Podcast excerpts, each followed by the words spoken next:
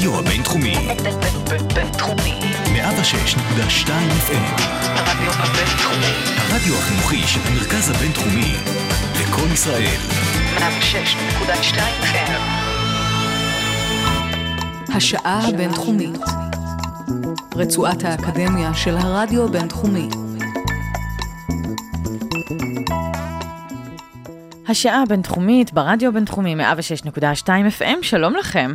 אני גיל מרקוביץ', והפעם איתי באולפן דוקטור נאוה לויט בן נון, מנהלת מרכז סגול למוח ותודעה, כאן בבית הספר לפסיכולוגיה במרכז הבינתחומי, שלום.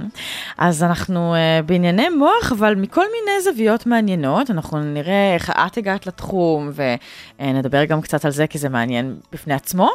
Um, ואחר כך גם uh, ממש uh, נתעסק בכמה מחקרים uh, חדשים, או לדעתי הם חדשים, נכון? 2013 זה נחשב חדש בשביל חדש. 2015.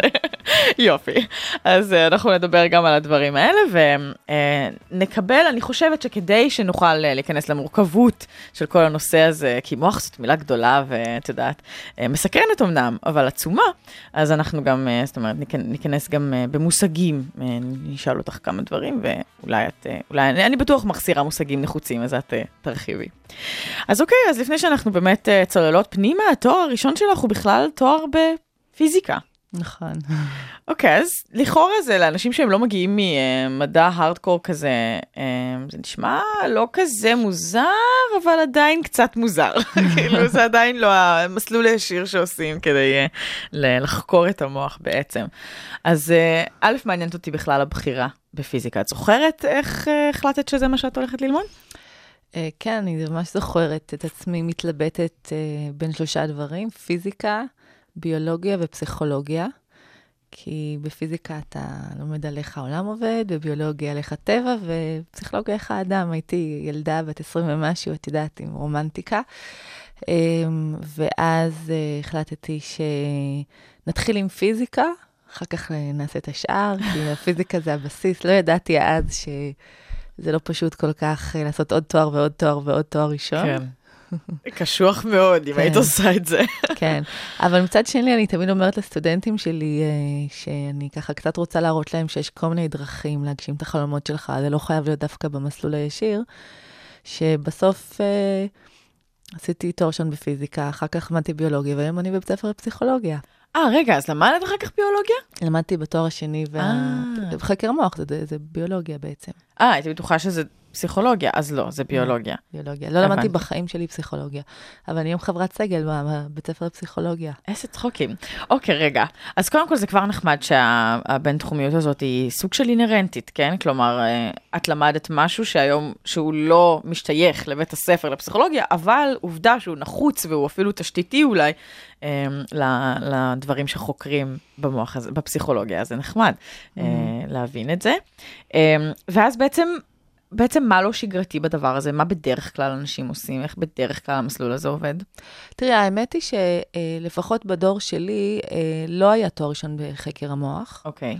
אז בכל מקרה, אה, חקר המוח זה תחום אינטרדיסציפלינרי, אז בכל מקרה אתה מגיע אליו או מהמדעים הקשים, שזה פיזיקה, מתמטיקה, מדעי המחשב, כימיה, או מהמדעים היותר רכים, כמו פסיכולוגיה, סוציולוגיה וכולי. אז, אז אה, חקר המוח זה, זה בהחלט מסלול שאפשר להגיע אליו מהרבה מאוד מקומות. בדרך כלל, יותר קל דווקא להגיע מהמדעים המדויקים יותר. אה, אוקיי. כן. היום כבר ממש יוצרים גם תוכניות כאלה מובנות מראש, נכון? של נכון. פסיכולוגיה, אה, ביולוגיה באמת, ו... כן. אני, אני חוששת שרובן הם בעיקר דרך של אה, אוניברסיטאות. אה, לשווק אה, את החומרים לה- האלה? להרוויח כסף, כי אה, אני חושבת שמאוד חשוב שהתשתית שאתה בונה בתואר ראשון, והתוכניות האלה הרבה פעמים זה מין, אה, תפסת מרובה, לא תפסת. אתה יודע קצת מכל דבר, אבל אתה לא יודע שום דבר טוב. ובכל זאת בפיזיקה, למרות שאני לא עושה שום דבר שקשור לפיזיקה מאז התואר השני, אבל אתה לומד uh, לחשוב, אתה לומד ל- להבין מתמטיקה לעומק, אתה לומד uh, uh, כאילו מין כלים שאחר כך משרתים אותך, גם אם אתה באופן ספציפי לא, לא חוקר פיזיקה. אבל אם אתה לומד רק על דברים ולא כלים, אחר כך uh, מתקשים. אני חושבת שזו תוכנית פחות טובה להתחיל בתואר ראשון בחקר המוח. עדיף, תמיד אני אומרת לסטודנטים, תתחיל בפיזיקה, מתמטיקה, מדעי המחשב, ביולוגיה. תבוא עם איזשהו ידע עמוק במשהו. כן. אחר כך ת, תלך למקום אינטרדיסציפלינרי. כל המבואות האלה הם כנראה נחוצים בסופו של דבר. תשתיות, תשתיות. כן. צריך להשתרש. ובעצם מה שאת עושה, אה, גם בפועל ממש, זה השילוב הזה בין אה, מה שקראת עכשיו מדע קשה אולי, לבין אה, מדעי החברה. והיה מעניין אותי, לפני שאנחנו צוללות ורואות איך זה אולי באמת משפיע אה, בפועל, בתוך מחקר, איך, אה, איך את ראית אה, את השילוב הזה, את האינטגרציה שאת יכולה לעשות בין ממצאים מכאן, התחום הזה, לבין ממצאים בתחום השני? את מדברת ההשפעות. בתחילת הדרך? אה, בתחילת הדרך, כן. או אולי כשהחלטת אה, אחרי התואר השני כבר לעבור לפסיכולוגיה ולהתחיל אה, לממש את החלום. כן. איך, איך, איך הצלחת לראות את הדרך שבה את רוצה להוציא את הדבר הזה לפועל? כלומר, באמת לחבר את שני התחומים. אמ, אני חושבת שקודם כל, למרות שעזבתי את הפיזיקה בתואר הראשון, את התואר השני שלי עשיתי בחקר המוח במחלקה למתמטיקה, עם מנחה מתמטיקאית. את התואר הדוקטורט שלי עשיתי בחקר המוח, אבל עם מנחה פיזיקאי. והסיבה הייתה שאולי בגלל שבאתי משם, ידע, היה לי הרגשה חזקה ש... שיש משהו לצורת חשיבה הזאת של הפיזיקאים והמתמטיקאים, שיכולה אה, לחדש ולתת אה, ככה נקודות מבט חדשות, אה, לצאת מהקופסה, כן? אז אה, תמיד דאגתי שיהיה לי איזה רגל אחת שם במקום ההוא. אה, וגם היום אני, אה, חלק גדול מהפרויקטים שלי הם בשיתוף פעולה עם המחלקה לפיזיקה במכון ויצמן. מדליק. הם, אגב, האנשים שבאים הארדקור ממדע, ממדעים קשים, הם רואים את זה בעין יפה, את השילוב הזה? הם חושבים שהוא נכון? הם, הם לא יותר ביקורתיים כלפי הדבר הזה? אני חושבת שכבר לא, כבר הרבה מאוד שנים אה, הפיזיקאים אה, מאוד מאוד מאוד מתעניינים בביולוגיה, יש הרבה מאוד פיזיקאים שעוסקים בביולוגיה. במעבדה, המעבדה שאני, שאני משתפת הפעולה, מכון ויצמן, ששם עשיתי גם את הדוקטורט שלי, יש להם ממש, תיכנסי, את לא תראי את ההבדל בינם לבין מעבדת ביולוגיה, אה, מה שנקרא מעבדה רטובה, יש להם... את כל הדברים האלה שמאפשרים להם אה, לרקוח ולבחוש את, את תמיסות ו, ולעשות גם מחקרים בבעלי חיים. למעשה, האמת היא שבגלל שבתואר, בסוף התואר הראשון, הייתי סטודנטית קיץ באחד מהמעמדות האלה בפיזיקה, שהתחילה להיכנס לתוך העולם של הביולוגיה. וזה בעצם מה שהכניס אותי לתוך הביולוגיה, כיוון שהייתי סטודנטית שם ונתנו לי איזשהו פרויקט קיץ כזה, אה, והייתי צריכה להתחיל אה, לקרוא על מיטוכונדריה, שזה היום, היום אנחנו יודעים שזה בעצם המפעל האנרגיה של כל, בתוך כל אחד מהתאים שלנו יש אה, מיטוכונדריה, שזה בעצם המפעל אנרגיה, מה שנותן את האנרגיה לתאים שלנו. והייתי צריכה ככה להתחיל לקרוא כל מיני מאמרים, ולא לא למדתי ביולוגיה יום בחיים שלי, לא, לא בבית ספר, לא בתיכון ולא בפיזיקה, בתור שם בפיזיקה, ופתאום כל כך הוקסמתי ואמרתי, יש עולם שלם שאני לא יודעת עליו כלום, והודעתי לאותו פרופסור שעשיתי לו סטודנט, שהייתי סטודנטית קיץ אצלו, שאני נוטשת אותו וחוזרת חזרה לעשות תואר שני בביולוגיה. זה היה בעצם בזכותו, זאת אומרת, בזכות זה שהפיזיקאים התחילו להיכנס לביולוגיה, כן. אני בתור פיזיקאית. והוא חשף אותך הוא לדבר הזה. חשף אותי לביולוגיה, ונטשתי והלכתי לעשות השלמות לתואר שני בביולוגיה. הזכרת אה, ככה בין הדברים את, ה, את העובדה שצריך בעצם לעשות ניסויים בבעלי חיים, וסתם ככה אנקדוטה שמעניינת אותי כדי שנוכל גם לדבר אחר כך על חקר המוח, כי את מתעסקת בניסויים שכשקוראים אותם, אז נורא קשה להבין בעצם איך חוקרים הגיעו לתוצאות האלה, אבל אז בעצם נזכרים שעושים ניסויים בבעלי חיים בתחום הזה. אז uh, סתם מעניין אותי ככה לדעת, uh, אם יש איזה שהם בעלי חיים שהדבר הזה מותר, אסור לגביו, uh, ניסויים... אני לא, חוקר, בדרך אני כלל- לא משתמשת בבעלי חיים. אוקיי. אני, אה, אנחנו חוקרים בני אדם, אני חושבת שיש היום הרבה מאוד כלים שמאפשרים לחקור בני אדם, ובטח שאתה רוצה לשאול שאלות על בני אדם. יחד עם זאת, אני אה, חושבת, אני תמיד אומרת לסטודנטים שלי גם, שלא צריכים להיות חד משמעיים. אה, לגבי הסיפור הזה של ניסויים בבעלי חיים, כמובן שזה מאוד חשוב שיש אה, ביקורת ושיש רגולציה וכולי, אבל אה, אה, בסופו של דבר, אה, לצערנו הרב, אם אנחנו רוצים להציל אה, גם בני אדם, אה, ואולי גם חיות בעתיד, אנחנו צריכים לעשות גם מחקרים בחיות. כן. אוקיי. כמה שפחות, אבל גם צריך, אין מה לעשות. לא, זה תחום מעניין, כי אנשים שמתעסקים בזה ומגיעים ממנו, אני מניחה שלחלקם לפחות חווים איזשהו, איזושהי דילמה כן. בדבר הזה. אני, אני, אה, קושי. אני באופן אישי אה, אה, מעדיפה לא, אבל אני לא ביקורתית כלפי אנשים שחוקרים, כי אני יודעת שלפעמים אין ברירה. כן. אז uh, בתחילת התוכנית כמובן הצגתי אותך כמנהלת מרכז סגול, כאן uh, בבית, למוח ותודעה, בבית הספר לפסיכולוגיה, ומעניין אותי לדעת מה בעצם הוא מרכז uh, סגול. האמת שמרכז סגול זה באמת מרכז מוח מאוד מאוד uh, מיוחד. Uh, אנחנו מנסים גם לקדם הרבה מאוד מחקר, אבל גם לעשות uh, איזשהו חיבור קצת יותר מהיר בין מגדל השן האקדמי לחברה הישראלית. Uh, אנחנו מאמינים היום שלחקר המוח יש הרבה מה לתת uh, להרבה מאוד סקטורים, סקטור, ציבור, סקטור חינוך, בריאות, טיפול, אפילו קובעי מדיניות. אני חושבת שחקר המוח יש לו מסר אחד היום, יש הרבה דברים שהוא עושה, אבל יש מסר אחד שעולה מאוד מאוד חזק, וזה המקום הזה שאומר, אנחנו בעצם ישויות פלסטיות. שיכולים, אנחנו יכולים לטפח את עצמנו, אנחנו יכולים לטפח את המוח שלנו, אנחנו יכולים לטפח איכויות מנטליות של אה, ריכוז, קשב, ויסות רגשות, חמלה, אמפתיה, ובעצם אה, מין מסר טרנספורמטיבי כזה שאומר, אה, לא צריך אה, לקבל את המציאות כמו שהיא, אפשר אה, לטפח אותה ולשנות אותה. אה, ואנחנו אה, בעצם במרכז סגול למוח ותודעה, אז אנחנו מנסים להחזיק גם את הצד של המדע, של המחקר, שהוא מחקר יותר יישומי, וגם אה, את הצד הזה של חינוך הציבור לאיך המוח עובד ומה זה אומר לגביהם. ופיתוח תוכניות, תוכניות הכשרה, תוכניות בבתי בתי ספר. אז מבחינת מחקר יש ממש מעבדות, ואפשר להגיע ולעשות אה, ניסויים או להציע כל מיני הצעות מחקר שבאמת יוצאות לפועל? כן, יש לנו מעבדה, מעבדות, ואנחנו בהחלט אה, עושים מחקר שהוא אה, מחקר אה, ברמה גבוהה. מחקר אקדמי לכל דבר. מחקר אקדמי לכל דבר, כן. אוקיי. ומבחינת העבודה בקהילה, גם קצת מעניין אותי לשמוע, מה בעצם עושים? אה, יש איזה שהן פעילויות ממש אה, מחוץ למרכז הבינתחומי, עבודה עם אנשים שאינם אקדמאים, שלא לומדים פסיכולוגיה? אז כן, אנחנו עובדים הרבה עם, אה, כמו שאמרתי, בעיקר תחום החינוך, זה התחום שהכי מעניין אותנו. אנחנו נותנים הרבה מאוד הרצ... אה, גם הרצאות והשתלמויות, גם למטפלים, אה, לגבי המוח, לגבי החזיתות היום אה, של חקר המוח, ואיפה הדברים עומדים היום, איך זה מתחבר לתחומי הדעת שלהם.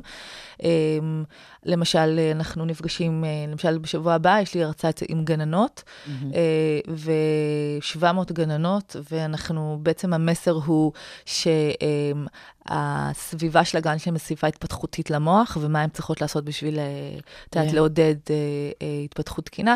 אבל אנחנו גם הולכים, יש לנו תוכניות למורים, לבני נוער, שבהם אנחנו גם מלמדים אותם על המוח, וגם על איך אפשר לטפח את האיכויות האלה שדיברנו עליהן, כמו קשב וריכוז, ויסות עצמי. אה, אכפתיות, חמלה, אמפתיה. וכשאת אה, מוסרת את ההרצאות האלה ואת המסרים האלה, את טורחת אה, לגבות אותם גם בממצאים? כלומר, יש לך חשיבות גם להראות שהמחקר אה, כן בא לידי ביטוי בשיטות שאת מציעה? אנחנו רק מדברים על דברים שיש להם אה, אה, או בסיס מדעי ישיר, או הרבה, מה שאני קוראת לו, אה, עדות נסיבתית.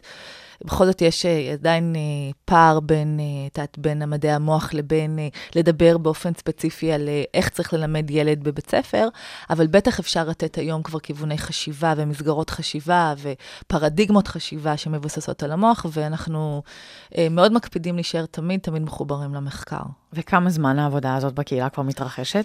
אה, כבר חמש או שש שנים. חלק גדול Mm. אז ממנה... אפשר כבר להתחיל לראות אם זה עובד, לא? חמש-שש שנים. אה, על ילדים. כן, יש לנו, הש- השנה הבאה למשל אנחנו נכנסים למחקר מאוד גדול באחד מהתיכונים. עד היום נמנענו מזה, האמת, כי uh, לעשות מחקר בבתי ספר זה די סיוט. אני לא נעים לי להגיד, בתור מישהי שמגיעה ממחקר מעבדה, לצאת למחקרי התערבות זה לא כל כך כיף, אבל הבנו שאנחנו באמת צריכים. אה, אבל, אבל הרצאות וכנסים והשתלמויות וסדנאות אנחנו עושים כבר הרבה מאוד שנים. אה, זה בעיקר רוב הפעילות תחת מה שאנחנו קוראים לו מכון מודע למיינדפלנס מדע וחברה, מהמם. שזה הזרוע היישומית של אה, מרכז סגול. אה, ואנחנו ממש רואים משנה לשנה יותר ויותר ביקוש. אני חושבת שאנשים גם יותר מתעניינים, גם יותר מתחילים להבין שחקר המוח יכול באמת להתחבר ולעזור לחשיבה. וכל הסיפור הזה של יכולת לאמן אה, ולשפר יכולות מנטליות, זה גם משהו שמתחיל לתפוס חזק. כמו שאנשים יודעים שהם יכולים לטפח את הגוף שלהם ואת הבריאות שלהם, הם פתאום מתחילים להבין שהם צריכים גם לטפח את המוח שלהם ואת המצב המנטלי שלהם. חדר כושר למוח כזה, את יודעת. כן. זהו, זה נשמע באמת מאוד uh, נחוץ. השאלה שלי שוב חוזרת, אני חוזרת על עצמי קצת, כי את באמת עושה משהו שהוא חדשני במובנים מסוימים, במובן הזה שהאקדמיה, באמת, כמו שאמרת מקודם, מתחברת אל הקהילה, שזה משהו שאני שומעת מהרבה חוקרים, אבל את גם... על הרצון הזה, אבל את גם ממש מיישמת אותו. כלומר, אני מתחילה לשמוע על חוקרים שנורא חשוב להם החיבור הזה לקהילה ולא להישאר במגדל השן האקדמי. אני, אני שומעת את זה באמת המון. במיוחד בבינתחומי. זהו, במיוחד במרכז הבינתחומי, זה נכון. זה חלק. מהמסרים והאג'נדות של המרכז. כן, אז זה נהדר לשמוע. כאן באמת קורה גם משהו מעשי. כן. ולכן אני רוצה שוב לחזור לשאלה המיושנת שלי בכוונה, של איך זה מתקבל. כלומר, איך אוניברסיטאות מסתכלות על הדבר הזה, איך חוקרים אחרים שאת עובדת איתם אולי או לא, לא בהכרח כן. מהמרכז שאולי באים עם איזה ראש קצת אחר, אבל איך הם רואים את הדבר הזה? זה לא נראה להם הזוי? זה לא, אני לא חושבת שזה הזוי כמו שה... אה, אה, במיוחד במדעי הטבע, זה כאילו באמת פחות מקובל, ויותר מקובל שתדאג אה, לבסס את המעמד שלך כחוקר, ותדאג אה, לפרסם במקומות הכי טובים, ותדאג להיות פרופסור כמה שיותר מהר, ואתה יותר נחשב על הדברים האלה. וזה נכון שבמובן הזה אני ככה די עוף מוזר, אבל אני חייבת לומר שמאז שהייתי ילדה, תמיד העדפתי לא להיות כמו כולם, אז זה בסדר. אז מסתדרת עם כן. זה. יותר נוח לי במקום הזה, להיות אה, בצד, מחוץ לזרם. מצוין. בחרת כמה שירים ואנחנו נתחיל עם הראשון ונחזור לדבר אחר כך, אז הנה, תכף, תכף נשמע אותו. הרדיו הבינתחומי, בינתחומי. 106.2 FM,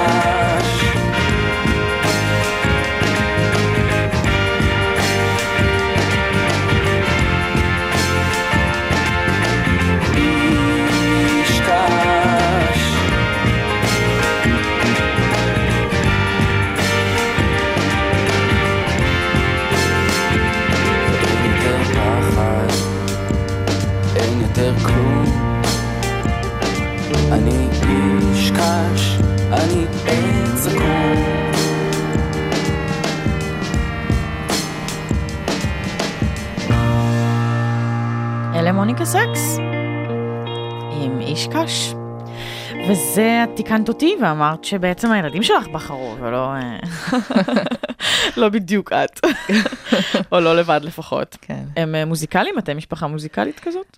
אנחנו שני הורים לא מוזיקליים, שני ילדים מאוד מוזיקליים.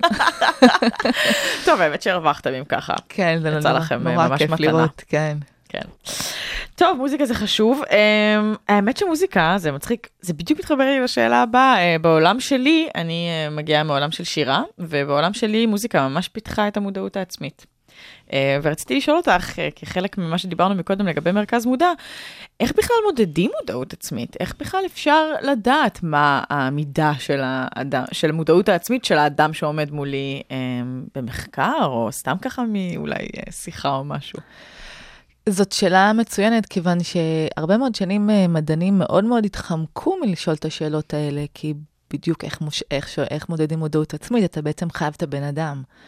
אה, לשאול אותו, כן. או לבדוק אה, אצלו. אה, אבל באמת בשנים האחרונות אה, יש יותר ויותר אה, חוקרים שבעצם אה, נכנסים לתחום הזה של לחקור תודעה, ועושים את זה קודם כל, אה, את יודעת, אם היית רוצה עכשיו למשל לחקור אה, איך אה, אנשים רצים, אה, איך אנשים רצים. אז uh, סביר להניח שהייתי הולכת לאיזה רץ מרתון, שהוא אלוף העולם בריצה, וחוקרת אותו.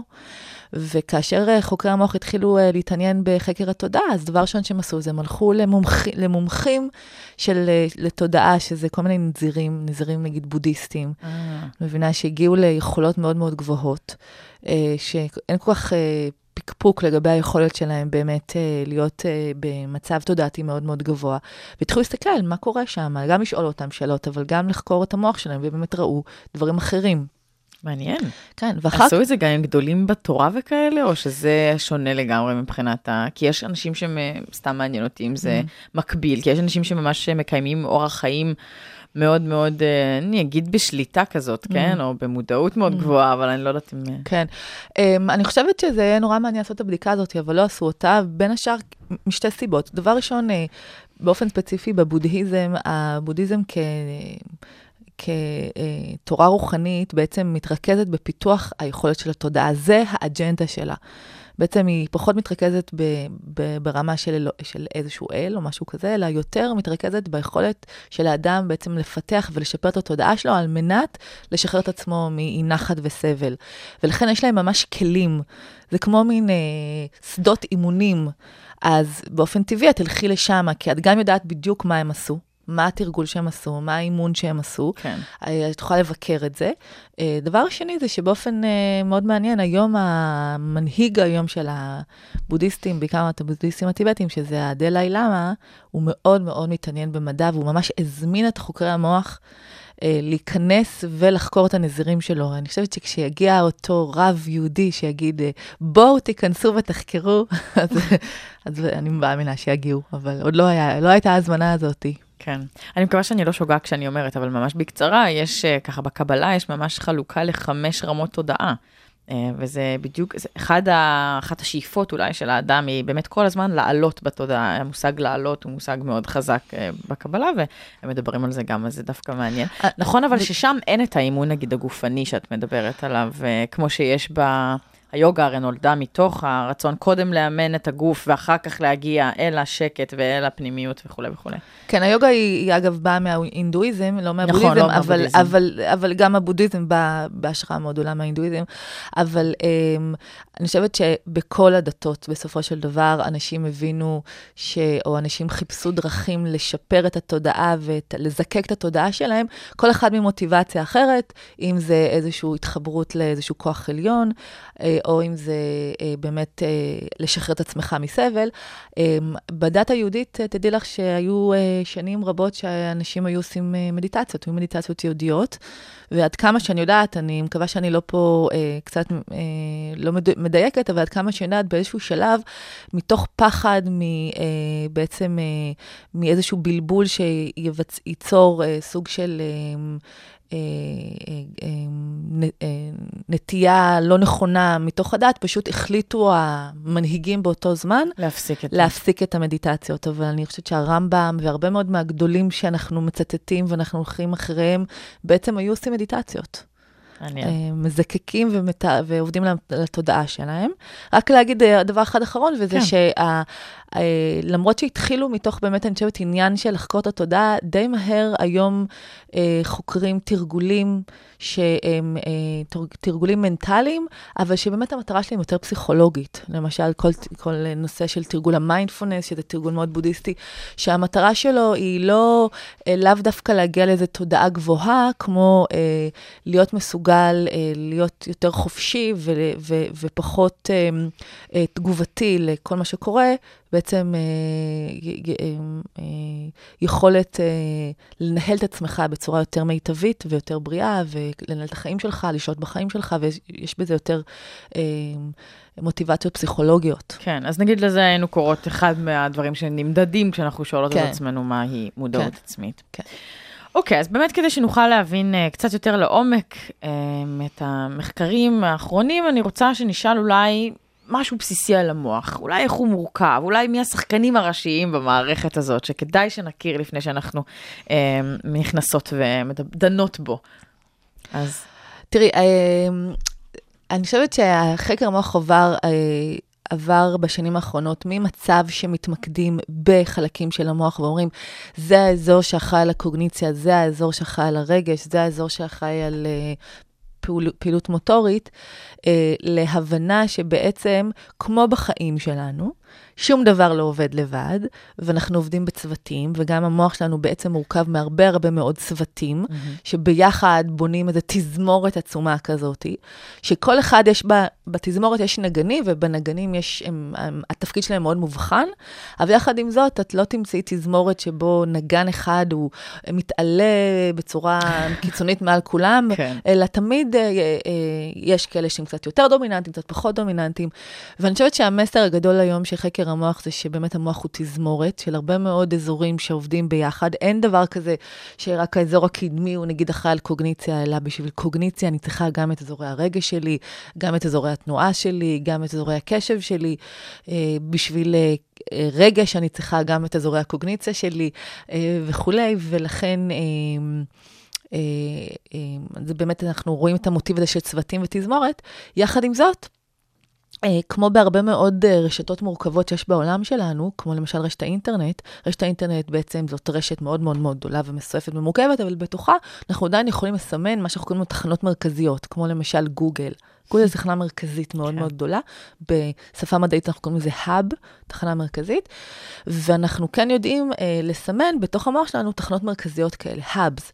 ולמה זה חשוב? כי כמו שאנחנו יודעים שאם אה, למשל האתר של הבינתחומי יותקף על ידי האקרים, זה יהיה מאוד לא נעים לסטודנטים בבינתחומי אולי, אבל העולם לא ממש אה, ירעש. כן. לעומת זאת, אם גוגל תותקף, או גוגל אפילו, אה, האתר שלהם אה, לא יהיה הכי יציב, אנחנו יכולים לראות, אנחנו מצפים לראות השפעות מרחיקות לכת. נכון. כנ"ל במוח שלנו, בתוך התזמורת הזאת, אה, יש לנו תחנות מרכזיות, ואם אנחנו, אה, התחנות האלה לא יהיו בריאות ויציבות, אנחנו כן מצפים לראות השפעות אה, מרחיקות לכת. אז למשל, יש איזשהו אזור בתוך צוות הרגש, האמיגדלה, שהוא נחשב, אה, זו תחנה מרכזית, או איזשהו אזור בחלקים הקדמיים של המוח שלנו, שגם כן נחשב תחנה מרכזית, ואפילו באזורים המוטוריים יש לנו איזשהו אזור שנחשב תחנה מרכזית כזאתי. ואני חושבת שהמסר של זה היא, הוא שבאמת אנחנו... אה, צריכים אה, כל הזמן לטפח את התזמורת שלנו, וכל הזמן לטפח את התחנות המרכזיות האלה, ולא להזניח אף אחת. כן. יחד עם זאת, יש גם דברים שהם כנראה מולדים, לפי מה שאני אה, קוראת או מבינה, וגם לא בטוח עדיין אם הם מולדים או לא, זאת שאלה, אבל תכף ניכנס אליהם. אבל אני, אני שואלת ככה, על, על המוח, את השאלה ששאלתי, כי יש משפט שאני הייתי רוצה שננסה לבאר או להסביר אותו כאן, וזה משפט מתוך מאמר שלך, שה-Network Architecture is directly associated with mental resilience, אני אנסה לתרגם אותו, אולי תעזרי לי, אבל מבנה המוח, בעצם הרשת הזאת, כן, שקראת לה, קראת לה גם רשת, וזה חשוב שנתייחס אליה ככזו, מבנה הרשת שבמוח, בעצם, של המוח, קשור באופ, באופן ישיר אולי לחסינות המנטלית, כן? אז הייתי רוצה להבין את זה, אנחנו מדברות כנראה על אה, מצבים גם של פסיכופתולוגיה, נכון? אה, מצבים כמו דיכאון או אה, סכיזופרניה, כל מיני, בעצם קוראים להם מחלות בעגה המקצועית? כן, מחלות נפש. אז מחלות נפש, מצוין, תודה. ובעצם אלה, ה, אלה מצבים של חסינות מנטלית נמוכה, פגיעה. אמ, אז איך אנחנו יכולים, מה, איך בעצם מודדים את הדבר הזה, את ה... אה, רואים בעצם את הקשר בין אה, מבנה, mm-hmm. או מה בתוך המבנה, כן? אם אפשר יהיה להיכנס ממש כן. לפרטים. אז האמת היא שזה עדיין ברמה של הצעת תיאוריה וכרגע מחקר שאנחנו עושים. בעצם אה, מה שהרבה מאוד שנים, ועד היום, בעצם מאוד מתמקדים בכל אחד, במח... בכל חוקר במחלה ספציפית. זאת אומרת, אה, יש חוקרים שמתמקדים באוטיזם, ויש.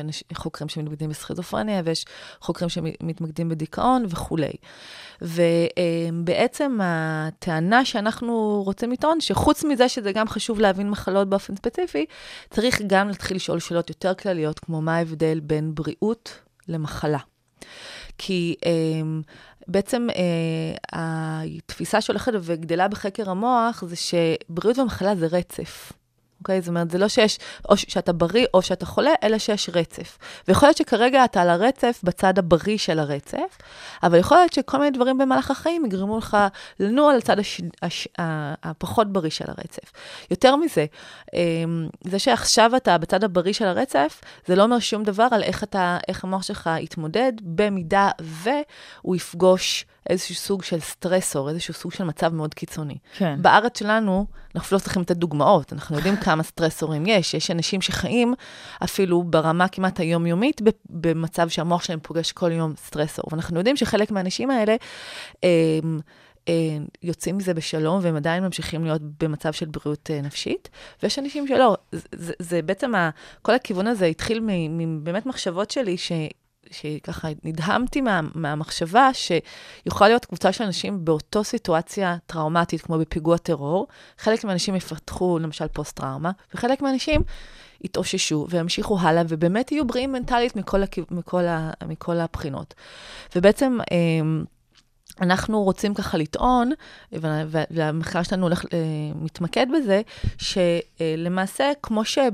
את יודעת, אה, היום בתחום אחר לגמרי, בתחום של, אה, של מתכות למשל, אז יש מבנים שבונים אותם, שהם צריכים לעמוד בסטרס מאוד מאוד גבוה, למשל חלליות.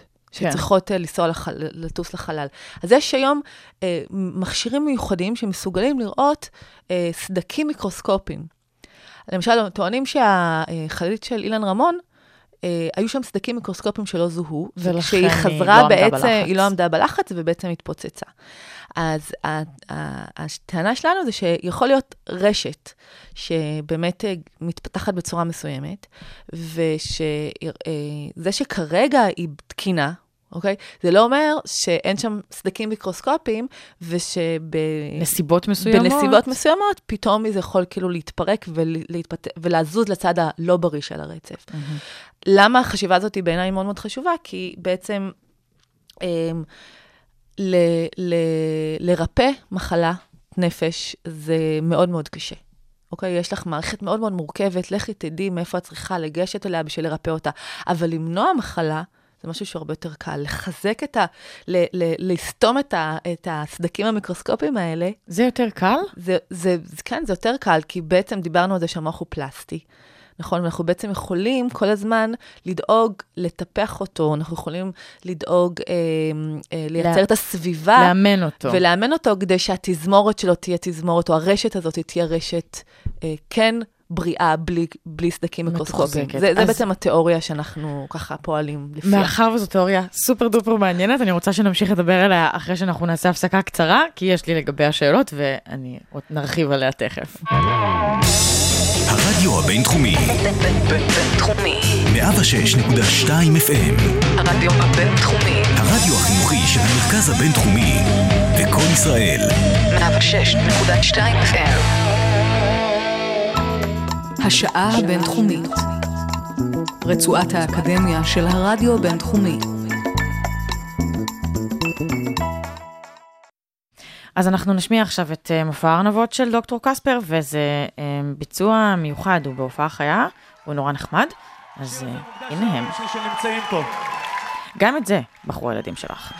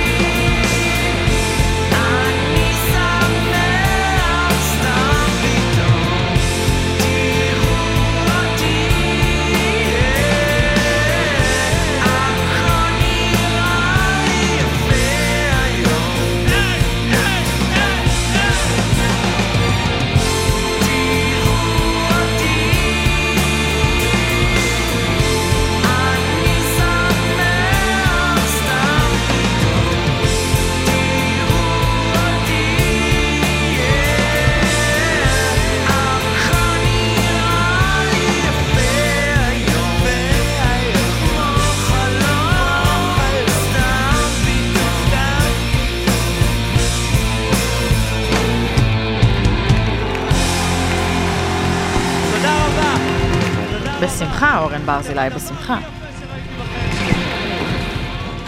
אתם הדבר הכי יפה שראיתי בחיים שלי. טוב, זה ביצוע נורא מוכר ההופעה הזאת, אז זה נחמד שזה מה שהשמענו. אמ, ואלה כמובן היו מופע הארנבות של דוקטור קספר. אז אנחנו נמשיך. עם שאלות המוח. כדי שככה נוכל אולי אה, להבין איך בעצם אנחנו, איך אפשר לייצר, וחשוב להגיד שכמו שאמרת לי, הכל בעבודה, הכל עוד לא, זה לא נתונים אה, ברורים וקשרים ישירים, אלא הכל באמת אה, עדיין מוקף בסימני שאלה, אבל זה גם מה שכיף במחקר. אפשר תמיד להישאר עם הרבה סימני שאלה. אה, כדי שנוכל אבל להבין יותר, אז אולי באמת נשאל שאלות קצת יותר על המחלות האלה שבעצם אנחנו מדברות עליהן. יש להם, אה, אה, מה ש- ממה שאני מבינה, סימפטומים ראשוניים וסימפטומים משניים. אה, זה לא בהכרח הסדר, אלא זה השם מבחינת הסימפטומים, העוצמה שלהם, אני מניחה, כן? של כן. הסימפטום. אז בואי, תנסי להסביר לנו מה זה בכלל, ואפילו לתת דוגמאות על מחלות מסוימות, כדי ש... אחד מהדברים שבאמת אה, מאוד משכו את תשומת ליבי, זה היה ש... אמ, אה, שבעצם כל המחלות, יש להם מה שנקרא סימפטומים ראשונים. סימפטומים ראשונים זה הסימפטומים שבעצם מתארים אותם. למשל, אוטיזם אמ, מאובחן על ידי בעיות של תקשורת. אמ, ADHD מאובחן על ידי בעיות של קשב וריכוז. OCD מאובחן על ידי בעיות של אה, אמ, אובססיה. אמ, דיכאון, על ידי דיכאון, נכון?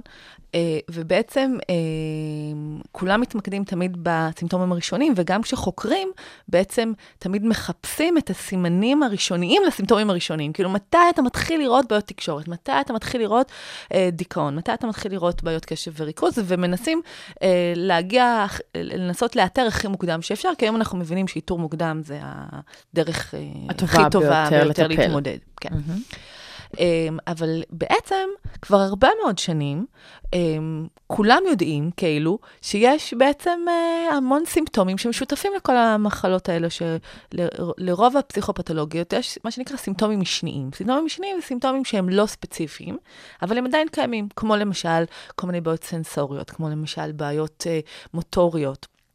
כל, כמו למשל, אמ, אם מסתכלים על ילדים קטנים, אז בעיות של שינה ואכילה וויסות עצמי, fussy babies, כן, דברים כאלה. כן. אמ, ואנשים ב- בעצם לא ממש ידעו מה לעשות עם המידע הזה, ובאיזשהו מקום קצת שמו אותו בצד והתמקדו בסימפטומים הראשיים. למרות שהוא היה כבר מתויג כסימפטום? כלומר, הם לא ידעו אנשים- מה לעשות איתו, לא, למרות שכבר לא, היה ברור כן. שזה סימפטום שלה. כן, כי בעצם המדע הלך, כמו הרבה תחומים בחיים שלנו, למקום של הבחנה. של הבחנה מבדלת, של אה, אה, אוטיזם ותתי אה, קבוצה של בתוך אוטיזם, ADHD ותתי קבוצה ב-ADHD, וכל אחד חוקר את התת קבוצה שלו, כן. וכל מה שמפריע לו, שהוא לא מסתדר בסיפור, אנחנו שמים בצד. בצד. אבל בעצם קרה משהו מאוד מאוד מאוד מיוחד בתחום של חקר המוח בעשר שנים האחרונות. בזכות העובדה שאנחנו בעצם יכולים, אה, אה, אה, בעצם התפתחו טכנולוגיות שמאפשרות לנו להסתכל פעם ראשונה על הרשתות המוחיות בתוך המוח האנושי.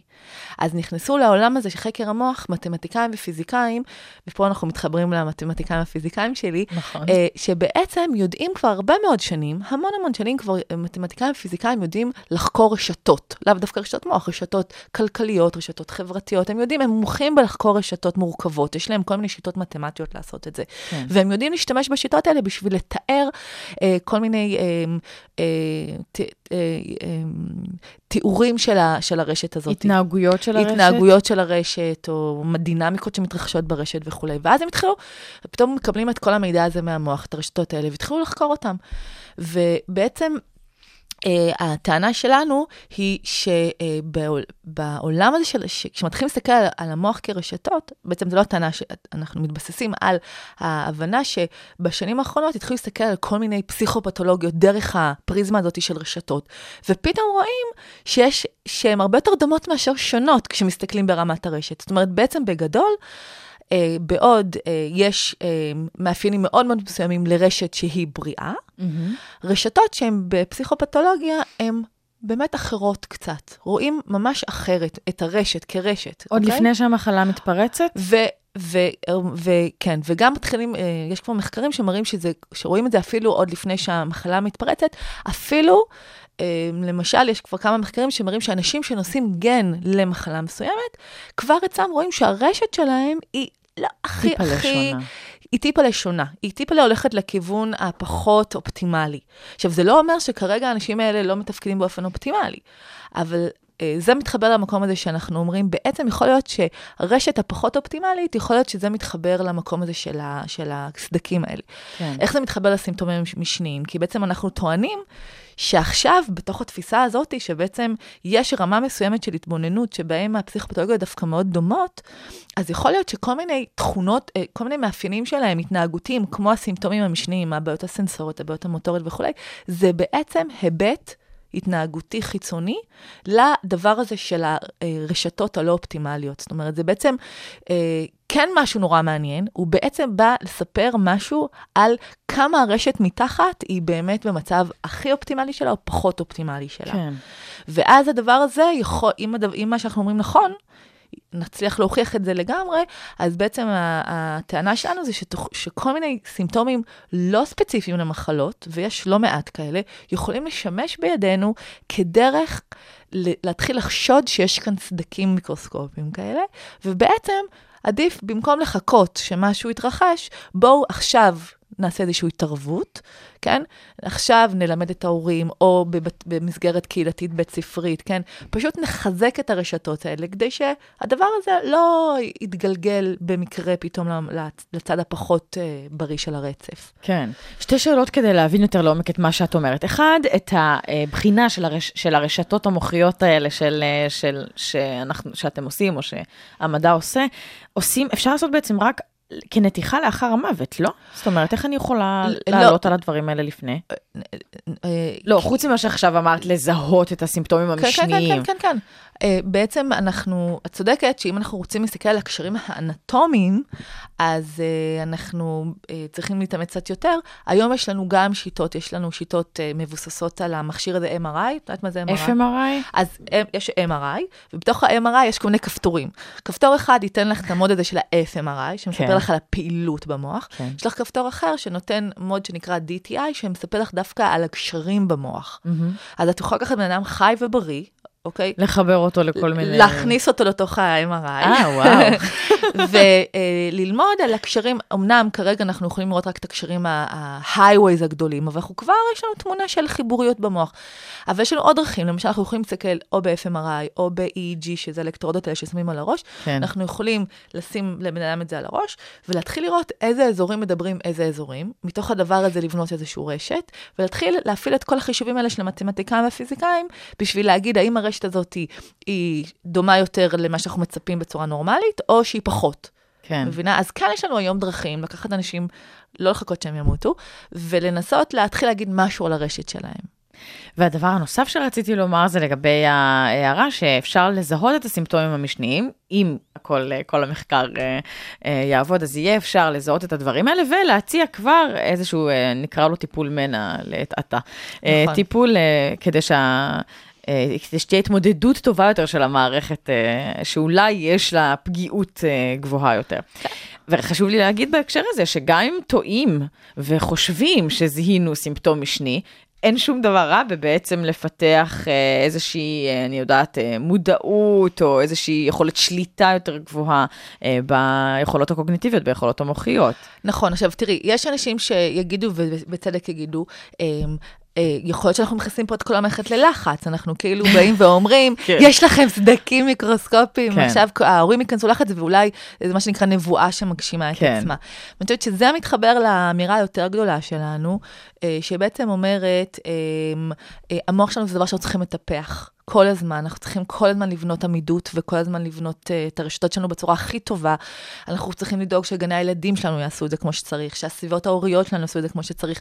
ולכן בעצם אנחנו לא צריכים להגיע למקום הזה שלא עושים כלום, לא עושים כלום, אבל אז בעצם אומרים, אה, הילד הזה יש לו אה, אולי, סי-" ו- ו- ושמים עליו את הזרקור, אלא כן. אם זה יהיה חלק מה... מובנה בתוך, מובנה כמו שאמרת מקודם, מערכת הפל- החינוך למשל. למשל, או בתוך uh, התנהלות הורית וכולי, אז אנחנו בעצם כבר עושים את זה. כן, אוקיי? על הדרך, כחלק כן. ממש מובנה בשגרה שלנו. כן. הרדיו הבינתחומי, בינתחומי. טוב, אנחנו מתקרבות לסוף, אז אני אה, רוצה שנשאל גם את השאלה, מה קורה בעולם בתחום? כלומר, האם הדבר הזה מפותח, לא מפותח? את רואה איזה שהם, יש לך איזה שהן סביבות כמודל לבחון אם הן אה, באמת אה, משתיתות את המידע הזה בתוך, למשל, מערכת החינוך, או החינוך ההורי שניתן אה, להורים לפני שהם אה, הופכים בעצם להורים, או, או צריכים כשהם צריכים עזרה. האם הדברים האלה מתרחשים במקומות אחרים בעולם? אמ, לא כל כך. אני חושבת שאנחנו כן באים פה עם איזושהי בשורה. אה, יש אה, לא מעט מחקר של אה, הפסיכולוגים שקשורים לעמידות, עמידות פסיכולוגית, אבל זה בעיקר מתייחס לילדים שחיים בשכונות מצוקה ובסביבות של מלחמה, וזה ככה באמת מדבר ספציפית יותר על פוסט-טראומה ודברים כאלה. כן. אמ, אני חושבת שהסיבה שאנחנו בחרנו באמת בכיוון הזה, כי אנחנו באמת מרגישים ש... אנחנו רוצים להגיד אמירה מאוד חזקה על זה שבריאות ומחלה זה שני מצבים שהם, אה, אה, שאנחנו יכולים להבחין ביניהם, ואנחנו צריכים לטפח בריאות. זאת אומרת, זו אמירה מאוד גדולה של טיפוח בריאות. אה, כל מה שאמרתי לך על האימון המונטלי, וזה קיים היום בעולם, יש את ריצ'י דוידסון במרכז בוויסקונסין, שנקרא Investigating Healthy Minds, שמאוד עובד על מחקר של טיפוח כל מיני יכולות מנטליות. הוא פחות מתרכז בשאלה מה זה עמידות ברמת המוח, אבל הוא כן מאוד uh, מדבר, חוקר ומראה איך כל מיני uh, התערבויות יכולות לחזק ולשפר ולשנות את המוח. Uh, uh, ואני שוב פעם רוצה לומר שאנחנו עדיין בונים, אנחנו משתמשים בכל מיני מצבים של מחלה, כמו סכיזופרניה, אנחנו חוקרים את המצב של סכיזופרניה כאיזשהו אקזמפלר, כמודל למחלה, לעומת בריאות. Um, ואנחנו אה, עדיין במקום הזה של אה, לנסות אה, לאפיין את הסדקים האלה, ולהוכיח שבאמת אנחנו יכולים להגיד משהו יותר כללי, שהוא לא ספציפית למחלה מסוימת, על ההבדל בין, באמת בין בריאות למחלה. אבל אני חושבת שאם הכיוון הזה יצליח, ואנחנו מקבלים המון פידבקים חיוביים מהרבה מאוד קולגות בעולם, שיש משהו בחשיבה הזאת שהוא מאוד ככה, קצת פורץ דרך, קצת יוצא מהפרדיגמה, שבירת פרדיגמה, אה, זה חשיבה מאוד, אני חושבת שזה יכול להוביל אה, אה, באמת שינוי של איך אנשים תופסים את עצמם ואיך הם דואגים באמת לבריאות שלהם, של הילדים שלהם, שהם מבינים שבריאות זה לא דבר מובן מאליו, אנחנו צריכים לטפח אותו. בריאות מוחית. כן, כן. הטיפוח הזה הוא uh, בעיקר רלוונטי ובר השפעה בגילאים צעירים יותר, או שרואים גם את ההשפעה um, אולי במידה שונה אצל uh, מוחות מבוגרים יותר? אני חושבת, שה, אני חושבת שבאמת האמירה הכי חזקה של חקר המוח בשני העשורים האחרונים זה שהמוח שלנו הוא פלסטי, עד יום חיינו האחרון. זאת בשורה מאוד uh, משמחת, זה, זה בניגוד לכל דבר אחר. אבל היא גם, את יודעת, נותנת לנו את האחריות. אנחנו לא יכולים, יש אנשים שאומרים, אה, כלב זקן כמוני כבר אי אפשר לשנות. אז תמיד אני אומרת להם, מצטערת, כאילו, בתחום של חקר המוח כבר לא, לא יסכימו עם האמירה הזאת. יחד עם זאת, אני, ברור שבשלבים הראשונים, ב-20 שנים הראשונות, 20? 20? 20, 20 ומשהו אפילו, כן? המוח היום אה, נחשב כמסיים את שלב, שלב ההתפתחות שלו בתחילת שנות ה-20, אה, ובתוכו יש כמה חלונות זמן שהם אפילו עוד יותר מואצים, גם בגיל ההתבגרות למשל, אה, שזה חלון זמן אה, שמאוד... קורים שם דברים מאוד דרמטיים ברמת כן. המוח, ברמת הרשת המוחית הזאת, ובשלבים הראשונים. שם התהליכים הפלסטיים מאוד חזקים, אז בטח ובטח נרצה להניח את התשתיות החזקות והבריאות והעמידות כמה שיותר בגילאים הצעירים, אבל יחד עם זאת זה לא מאוחר מדי גם לאמן, לטפח ולחזק את המצב המנטלי שלך גם בגיל 90. זו בשורה ממש משמחת, הגמישות הזאת של, ה, של המוח. אני רוצה אה, אה, לשאול, כי את אה, סוגרת את המאמר שלך בעצם באמירה שצריך, שנחוצים עוד מאמרים, עוד, עוד מחקר נוסף בנושא. אז אחרי כל מה שדיברנו, ואנחנו יודעות כבר אה, פחות או יותר לאן אה, את רוצה ללכת, מה עכשיו צריך לעשות כדי אה, להמשיך ולאשש אולי, מה הדבר הבא, מה המחקר הבא, ש, איזה שאלה תעמוד אה, במרכז המחקר הבא? אמ, אז המחקרים החדשים שלנו, בעצם אה, אנחנו, בשביל לחקור את, ה, את הרשת המוחית הזאת, השתמשנו בכל מיני מכשירים שהם, אה, בוא נגיד, לא המכשיר שהכי נוח לחקור איתו. מכשירים שככה מערערים את המוח מבחוץ, נקרא TMS. אה, מאוד קשה להגיע לזה, הרבה מאוד אוכלוסיות, בטח לילדים. ובעצם מה שאנחנו עושים עכשיו זה מפתחים כלים, ואני חושבת שהיכולת שלנו להגיע לילדים צעירים, היכולת שלנו להגיע לכמה שיותר סוגי מחלה, זה יהיה הדרך שלנו באמת לקדם את התחום הזה, ובשביל זה אנחנו צריכים קצת לפתח אה, כלים שיאפשרו לנו פשוט לגשת לאוכלוסיות האלה שהם הסכימו, שאנחנו נחקור אותם. יש משהו מרתיע בדבר הזה? כלומר, יש משהו מרתיע. גם הכובע הזה שאנחנו שמים על הראש עם כל האלקטרודות, וגם אנחנו משתמשים באיזשהו מכשיר, במכשיר הזה שאמרתי לך, שהוא בעצם ככה, כאילו מערער את המוח מבחוץ. מגרה זה, זה? כן, מגרה את המוח. זה לא, זה לא אה, עושה נזק, אבל זה זה כן יכול אה, לגרום לאיזו תחושה של אי נוחות, או אפילו לצלילים לא נעימים שזה עושה, וזה מלחיץ אנשים, וקשה להגיע לזה, אפילו לקבל אישור אתיקה ממשרד הבריאות, זה תמיד סיפור מאוד גדול. אז אנחנו עכשיו מתמקדים מאוד בלנסות למצוא דרכים אחרות אה, לגשת לשאלות האלה, אה, והעתיד היותר רחוק מבחינתי,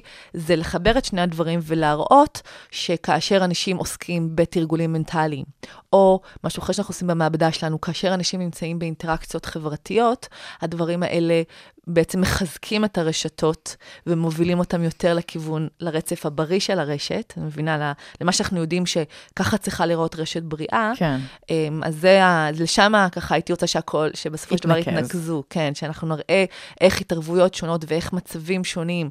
בין אישיים למשל, אה, את יודעת, הפסיכולוגים מדברים הרבה, נכון, על כמה חשוב הביחד הזה, כמה חשוב המצב הבין-אישי. כל, ה- כל הטיפול הפסיכולוגי מתבסס על, כן. על מצב בין-אישי. אה, והיינו רוצים באמת להראות שהמצב הבין-אישי הזה באמת משפיע על הביולוגיה, משפיע על הרשת, משפיע על התזמורת, ומאפ... ולא... ומזיז אותה על הציר לכיוון היותר בריא. אבל זה, אני חושבת, תיקח לנו עוד טיפה זמן. סטודנטים אה, שותפים לעשייה הזאת, למחקרים האלה? כן, יש לנו הרבה מאוד סטודנטים של תואר ראשון מפסיכולוגיה שמאוד מאוד מאוד מתעניינים בתחום של חקר המוח, והם בעצם אה, עובדים במעבדות שלנו בין שנה לשנתיים, הם מריצים את המחקרים, הם, אה, הם מעורבים בשלבים הראשונים של הניקוי והאנליזה, וחלק מהם אנחנו אפילו מטפחים לקצת יותר מזה. והאמת היא שזה מאוד אה, תמיד משמח אותי, שבכל שנה, מתוך אה, כל הסטודנטים שהלכו ללמוד פסיכולוגיה עם חלום להיות פסיכולוגים קליניים, תמיד יש קבוצה שמחליטה, למחקר? שמחליטה להמשיך לחקר המוח, תואר שני. בהחלט, אה, כן. זה בהחלט מאוד משמח. דוקטור נאוה לויט בן נון, מנהלת מרכז סגול למוח ותודעה, פה בבית הספר לפסיכולוגיה במרכז הבינתחומי. הרבה הרבה הרבה תודה לך על השעה הזאת, הייתה שעה מרתקת ומעניינת, ואני מודה לך עליה. אה, ואני אה, מזמינה אתכם להישאר איתנו ולהמשיך להאזין לרדיו הבינתחומי 106.2 FM. אני גיל מרקוביץ', ברקע המתנגן לו שלום חנוך, אה, עם הגלגול הזה, וזה את בחרת, לא נכון. הילדים. אז אה, שתהיה תמיד שמח. תודה רבה. תמיד שמח, שלעולם לא תפסיק לשיר, שתמיד תמשיך לגדול, ושתמיד תישאר צעיר, שתמיד תלך קדימה, ושלא תאבד תקווה, שתדע שלום וטוב. ושתמצא את בואנה, בואנה, בואנה. שתשכיל לחיות ביחד ולהישאר חופשי, ושתוכל למצוא תועלת גם במצבים קשים, שתמיד תישאר צנוע ושתמיד תהיה בריא ושתצליח שחייך לא יהיו לריק. שיהיה לך טוב שתספיק לאהוב.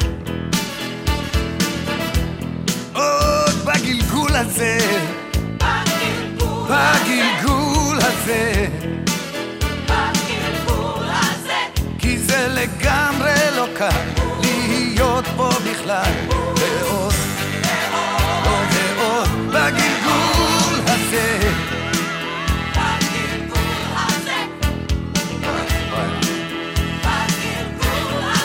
שתהיה אל אחרים כמו שאתה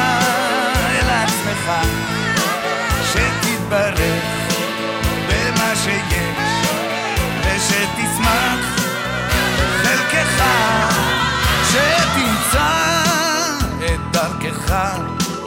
בכל דרך שתלך ושתדע להישרד הגורל המתהפך. שיהיה לך טוב